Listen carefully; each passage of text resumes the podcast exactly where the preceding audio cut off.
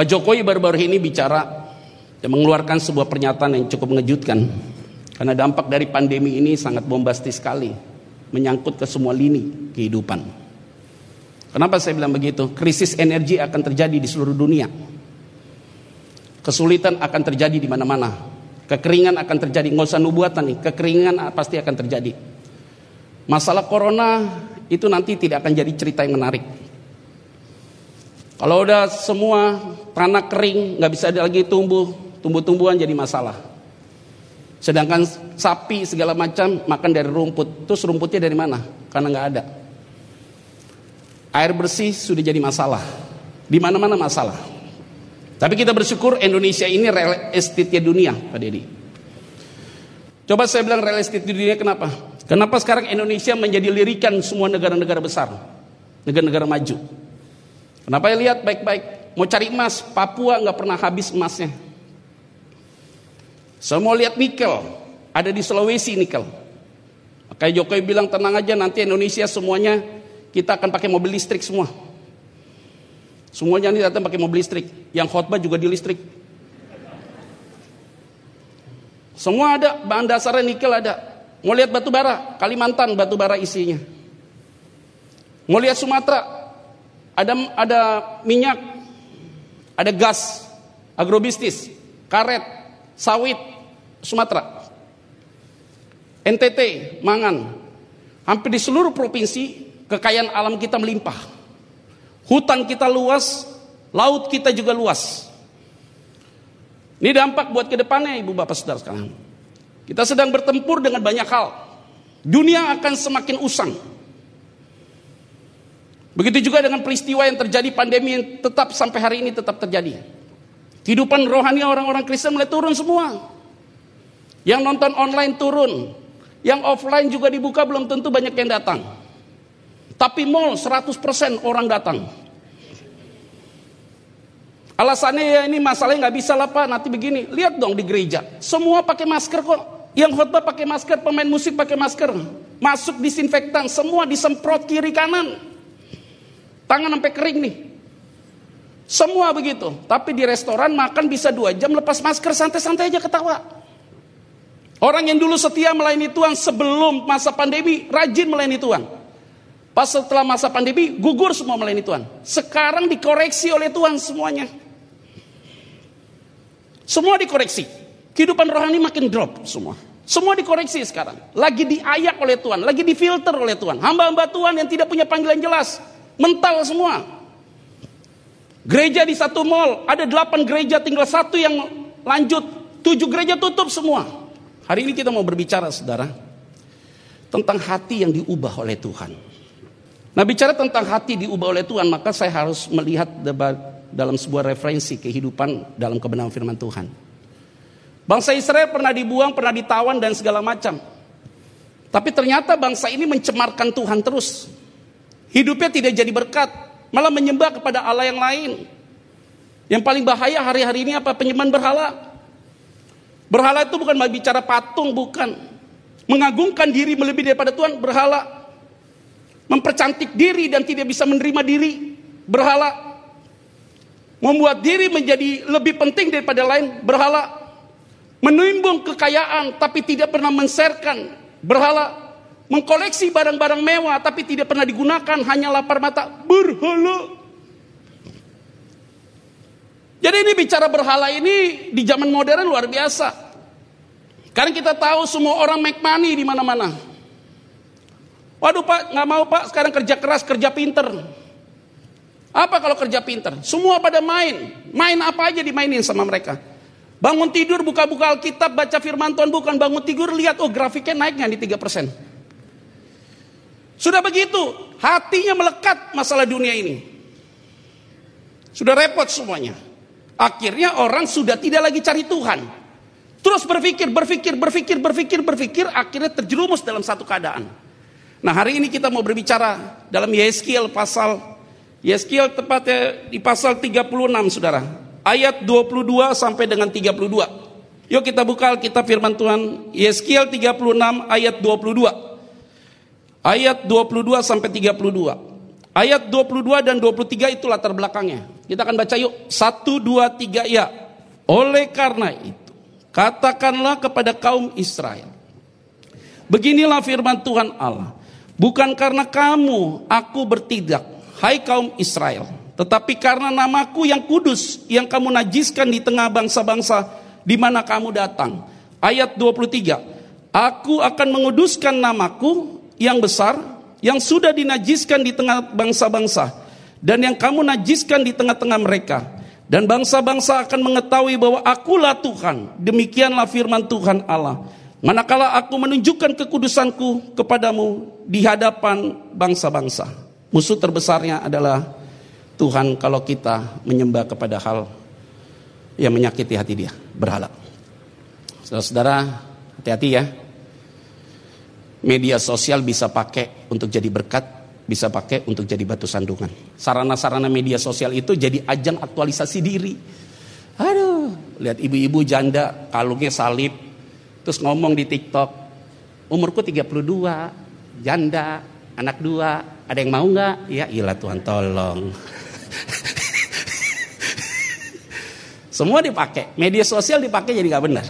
Hati-hati loh, itu barang bisa jadi berhala bagi kita. Segala sesuatu fasilitas yang kita gunakan kalau itu tidak digunakan dengan efisien bisa jadi berhala. Apa yang kita mau bawa hari ini? Kita udah pernah lihat kok Juni sampai dengan Agustus orang punya uang nggak bisa dapat rumah sakit. Orang kaya bisa meninggal di ambulans, tidak bisa ada arti apa-apa. Dan kalau kita bisa hidup sampai hari ini semua oleh karena kemurahan Tuhan. Oh Pak, tapi kan kalau mati itu memang atas perkenan Tuhan. Iya benar atas perkenan Tuhan. Tanpa seizin Tuhan tidak mungkin orang dipanggil itu. Benar. Tapi hati-hati hari ini. Yang paling bahaya adalah semua hal. Kalau lihat dari Yeskiel, kitab Yeskiel. Hati-hati dengan nabi-nabi palsu hari-hari ini. Saya mau ingatkan nih bagi kita semua yang ada di tempat ini. Kamu punya YouTube, kamu bisa nonton apa pun. Kita hybrid hari ini. Ada onset, ada online. Ada nonton live streaming dan segala macam. Tema-tema yang mengejutkan paling nontonnya paling banyak. Nubuatan-nubuatan yang konyol sudah muncul di mana-mana. Pengajar-pengajar sesat sudah muncul di mana-mana. Yeskiel katakan apa? Hati-hati engkau dengan pengajar-pengajar sesat itu. Nabi-nabi palsu itu hati-hati kamu. Karena mereka menyampaikan emosi mereka, subjektivitas mereka itu jadi bahaya. Gila nonton tentang nubuatan, tentang nabi-nabi palsu yang nonton bisa ratusan ribu. Oh Pak Pendeta Petra iri. Eh nggak ada iri ya. Nggak ada iri. Ada YouTube kita nggak makan dari YouTube kok. YouTube itu hanya fasilitas saja, dipakai untuk menjadi sarana. Tapi hati-hati mengeluarkan sebuah statement yang akan merusak fundamental umat Tuhan di mana pun juga. Yang saya yang paling bahaya adalah banyak yang terpanggil sedikit yang terpilih. Dasar kita harus kuat. Sebelum masa pandemi kita bicara di atas mimbar ini tentang pengajaran yang kuat. Bicara tentang keselamatan yang kuat. Bicara tentang roh kudus yang kuat. Bicara tentang Kristus yang kuat. Bicara tentang akhir zaman yang kuat. Tujuannya apa? Supaya jemaat punya pondasi yang kuat. Jangan di dalam keadaan kesulitan kita menjadi gontar, menjadi takut dan segala apa pun juga. Saya mau sampaikan, waktu sebelum masa pandemi, saya sudah tampilkan di setiap khotbah saya ada satu video bahwa kita akan masuk dalam suasana digital. Orang khotbah sudah pakai mas apa pakai kamera, terus kemudian mereka hanya worship, dengar firman Tuhan yang mereka suka. Dulu setelah saya khotbah begitu, Pengurus gereja selalu bilang begini, mana mungkin sih Pak ada peristiwa digital begitu? Ya, saya ngomong itu sudah tiga tahun yang lalu, empat tahun yang lalu di setiap gereja. Setelah khotbah, pengurus bilang tidak mungkin hal itu terjadi. Hari ini terjadi. Maka saya mau sampaikan, untuk waktu yang akan datang, saya sudah ngomong dari mimbar ini. Dunia tidak akan semakin baik. Orang akan dibawa untuk mencintai dirinya. Kasih sudah mulai pudar. Pengajar sesat akan masuk. Setiap orang menggunakan fasilitas rohani untuk menyampaikan nilai-nilai subjektif. Tapi hari ini saya mau sampaikan, orang yang berbuat demikian akan dimusnahkan oleh Tuhan. Firman Tuhan bilang apa?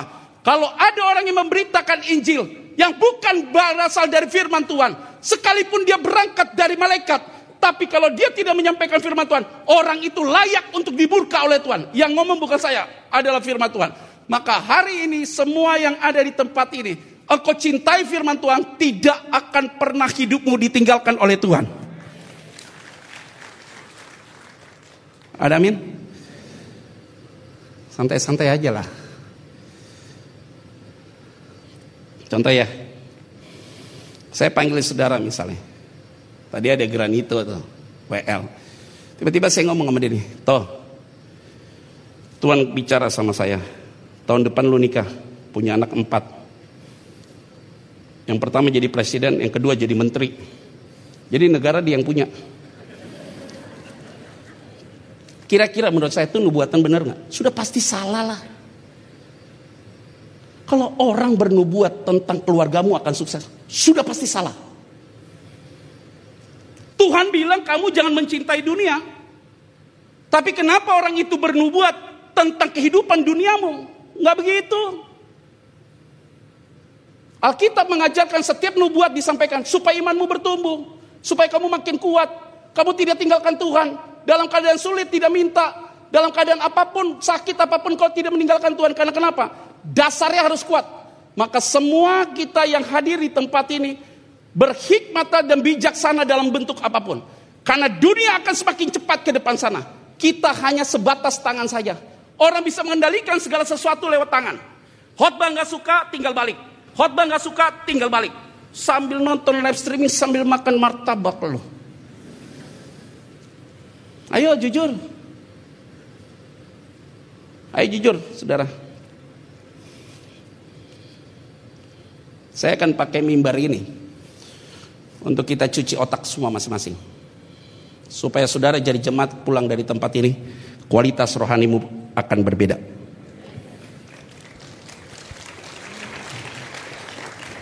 Jangan seperti bangsa Israel itu. Pergi cemarkan nama aku. Hidupmu jadi nggak kudus. Ayo, kadang-kadang saya pimpin ibadah lewat online, Zoom. Yang hadir 120 orang, semuanya namanya doang yang muncul. Orangnya nggak muncul loh. Nggak ada loh, jadi gue ngomong sendiri, ketawa sendiri. Nggak gampang loh saudara. Khotbah offline gini enak lihat wajah. Walaupun kita nggak tahu ya, apa yang terjadi dengan mulutmu.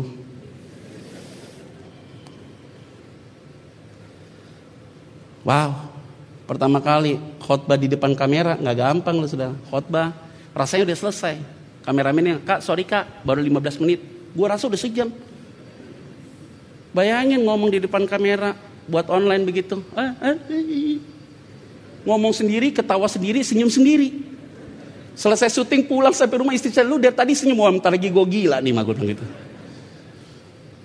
Buat zoom semua mukanya nggak kelihatan. Nggak kelihatan mukanya. Mungkin mereka sambil lihat saya khotbah di Zoom sambil masak kali. Yang sambil kamar mandi, sambil keramas. Ajaib tuh orang. Apa nggak ajaib? Girian udah amin. Ayo saudara-saudara pada buka kameranya. Kita mau foto, baru foto. Iya. Ya ilah geli banget gue lihat nih. Lebih baik nggak usah ikut Zoom bos. Nggak usah ikut online. Pergi aja ke mall makan. Untuk apa begitu? Ikut Tuhan sambil-sambil. Sambil ikut ibadah, sambil duduk makan roti. Hari ini semua yang hadir di tempat ini, kita harus rubah pola pikir kita. Jangan di tengah kesulitan kita malah mencemarkan nama Tuhan. Dan tidak ada satu orang pun yang hari ini kompromi dengan apa pun. Akan banyak tantangan nanti di depan. Jangan khawatir ya. Ke depan ini pasti Tuhan akan lakukan yang terbaik. Toh saya lihat di masa pandemi hari ini tetap anak Tuhan dipelihara oleh Tuhan. Ayo saya tanya nih semua yang hadir, baik yang di live streaming. Siapa di masa pandemi ini yang hidupnya nggak bisa makan? Coba angkat tangan. Siapa di masa pandemi ini yang selalu melihat pertolongan Tuhan? Coba angkat tangan. Ya udah saya berdoa pandemi terus lah. Wah Tuhan tuh baik. Nanti ibadah kedua saya akan bila, bicara tentang Tuhan punya banyak cara untuk tolong kita. Kenapa begitu? Bangsa Israel sudah melecehkan Tuhan. Ayat 25. Ada terjadi pemulihan. Yuk kita baca 25. Satu, dua, tiga. Ya, aku akan mencurahkan kepadamu air jernih yang akan mentahirkan kamu dari segala apa? Dan dari semua berhala-berhalamu Aku akan apa? Lihat firman nih, doa kita hari ini. Tuhan koreksi saya loh. Di masa pandemi Tuhan koreksi saya. Wah ini bagaimana nih ngomong sama istri. Kita harus buat ini nih, buat ini, buat itu, buat ini. Ada berkat dikit, taruh di sini. Ada berkat dikit, taruh di sini. Sampai akhirnya Tuhan tegur pengkhotbah pasal yang kedua. Dia bilang apa? Eh, boleh beli benih, boleh beli apa pun, beli ladang apa pun. Tapi ingat, segala sesuatu yang kamu buat sia-sia. Ingat semua yang hadir dalam ruangan ini, Tuhan sudah kuduskan kita, Tuhan akan murnikan kita di tengah situasi hari ini, ingat baik-baik, siap dikoreksi oleh Tuhan untuk menjadi pribadi yang Tuhan kehendaki. Sakit ya, dikoreksi Tuhan sakit ya, ya. Karena kenapa? Harus dilepaskan tentang hal itu. Ayo kita mulai baik-baik ya. Ada sesuatu hal yang susah kita lepaskan dalam hidup kita. Jangan-jangan dari atasnya belum beres. Kalau dari atas belum beres kita putus hari ini supaya terjadi pemulihan. Supaya anakmu diberkati, keturunanmu diberkati Tuhan. Kenapa ya Pak Pendeta proyek sudah di depan mata hilang? Setiap istri saya hamil, selalu aja Pak Pendeta di bulan ketiga keguguran. Selalu begitu Pak. Kenapa ya Pak begitu ya? Ini suami saya ngelamar, tiba-tiba putus selesai. Habis. Kok bisa Pak tiap hari muncul, tiap bulan tuh muncul penyakit-penyakit yang baru. Satu selesai akan muncul lagi ada sesuatu yang harus dibereskan. Coba cek dia baik-baik. Supaya apa? Supaya janin yang ada dalam kandunganmu ada dalam berkat Tuhan. Supaya anak-anakmu hidup ada dalam berkat Tuhan.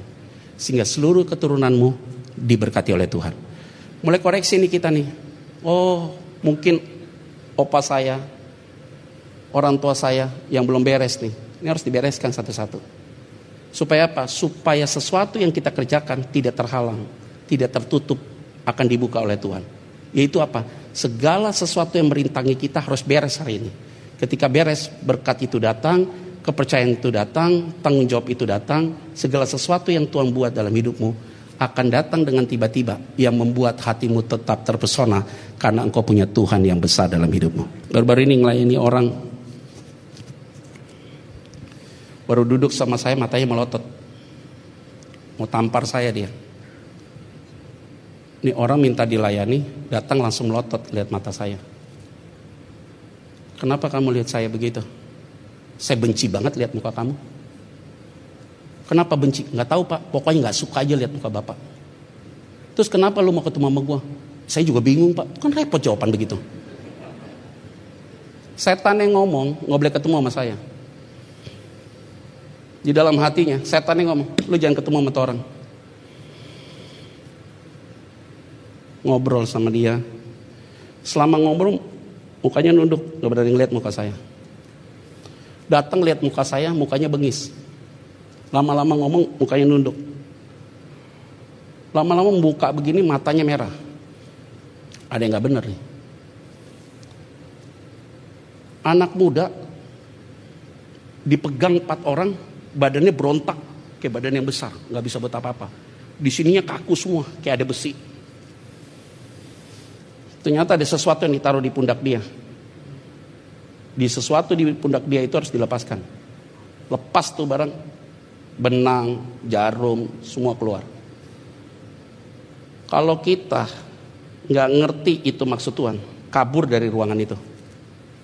Benang keluar, jarum keluar, Kayak tukang jahit dia dulu. Semua keluar. Waktu keluar mukanya lemes. Dia bilang apa? Pak Petra ya. Udah sejam ketemu saya. Pak Petra ya. Lepas lo. Saya tanya. Dulu ada yang pernah pasang-pasang. Saya nggak tahu pak. Mungkin orang tua saya dulu sering pasang-pasang di tubuh saya waktu saya tidur. Mulai saat itu dan sampai hari ini cerita yang masuk ke saya selalu cerita yang positif. Ada banyak hal yang Tuhan buka dalam hidup dia. Usaha dia bisa jalan baik, rumah tangga dia jalan baik. Kenapa saya pak berumah tangga lima tahun? Aduh masih muda sekali dia orang. Tiap hari ketemu istri saya pukul terus pak. Rohnya dia jahat banget. Tapi sekarang dia mengalami perubahan. Maka hari ini semua yang ada dalam ruangan ini, kalau ada sesuatu yang menghalangi kita, itu bisa berdampak buruk bagi kita. Hari ini harus terjadi pemulihan supaya hidupmu diberkati oleh Tuhan. Ada amin? Ayo kita masuk ke ayat yang ke-26. 26. Satu, dua, tiga. Ya, kamu akan kuberikan hati yang baru dan roh yang baru di dalam batinmu. Dan aku akan apa? Menjauhkan dari tubuhmu hati yang keras dan kuberikan kepadamu hati yang ada beberapa hal yang saya mau sampaikan. Yang pertama, kuberikan hati yang baru. Yang kedua, menjauhkan kamu dari tubuhmu hati yang keras. Yang ketiga, kuberikan kepadamu hati yang taat. Wow. Ini hebat sekali nih. Kalau orang sudah mengalami pemulihan, hatinya tenang dalam Tuhan. Dia datang beribadah, dia merasakan sukacita. Nggak gampang ikut ibadah begini kan? Daftar dulu online. Kalau nggak punya niat nggak bisa datang. Ini orang yang datang ini punya niat semua nih. Jadi orang yang punya niat begini wah luar biasa. Keluar dari tempat ini berkatnya pasti ada aja. Hmm, amin deh kalau ngomong kayak gitu nih. Repot. Hati kita udah baru, beda. Dengar khotbah begini, yuk tenang hatimu. Nggak gelisah lagi.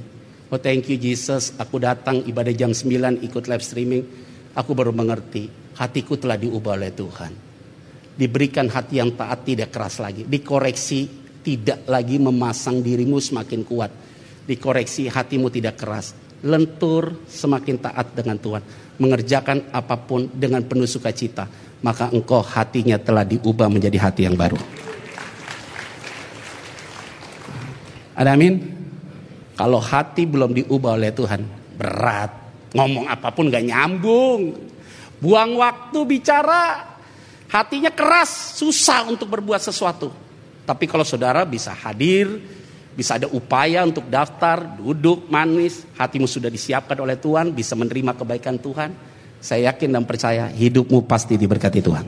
Saudara yang saya kasih di dalam nama Tuhan Kristus, saya tidak akan bisa mengubah hati orang. Apalagi di online, nggak bisa kita ngubah. Kalau kita khotbah di online, nantang orang, nggak bisa lihat mereka wajahnya di mana. Lagi berjuang kita, lagi memikirkan bagaimana supaya jemaat Tuhan itu hidup dalam kekuatan dari Tuhan. Hatinya jadi baru. Supaya apa? Supaya rumah tanggamu, pribadimu, usahamu, pelayananmu ada dalam tuntunan Tuhan, ada dalam pemeliharaan Tuhan. Supaya hidupmu langkah-langkah ke depan ini jadi ringan. Beban hidupmu jadi ringan, tidak lagi disandra dengan keadaan apa pun. Kadangkala kita lari, kaki kita berat, mau berbicara mulut kita tidak keluar apa pun. Kenapa? Karena ada beban yang berat dalam hati kita yang belum dilepaskan. Nah kalau itu bisa lepas, apa pun yang terjadi, peristiwa yang terjadi, orang bilang akan terjadi begini, ada corona yang versi terbaru 500 lebih dahsyat lagi, penyebaran dan segala macam, ada terjadi di Eropa dan segala macam. Kalaupun kita ada dalam posisi itu, dan kita ada masuk dalam situasi itu, satu hal yang saya mau sampaikan, kita akan berjalan dengan punya keyakinan teguh karena kita tahu pasti Tuhan akan jaga kita dan Tuhan pasti akan lindungi kita. Berikan tepuk tangan ini buat Tuhan Yesus. Ayat berikutnya, ayat yang ke-27. Dampak dari orang yang hatinya sudah diubah oleh Tuhan. Yang pertama, di ayat 27. Satu, dua, tiga, ya. Roku akan kuberikan diam di dalam batinmu dan aku akan membuat kamu hidup menurut segala ketetapanku dan tetap berpegang pada rohku apa akan kuberikan apa wow top hari ini ada roh kudus dalam hati kita roh kudus tinggal diam dalam hati kita dia yang menguatkan kita hari ini dia yang menuntun kita dia yang mengarahkan kita dia yang menjaga kita hari ini. Dia yang memprotek kita. Langkah-langkah kita tidak sendirian lagi. Aku hidup bukan lagi aku sendiri. Tapi aku hidup karena ada Tuhan Yesus dalam hidupku. Sehingga hari ini kita berjalan, kita tidak sendirian lagi. Karena ada Yesus bersama dengan saudara.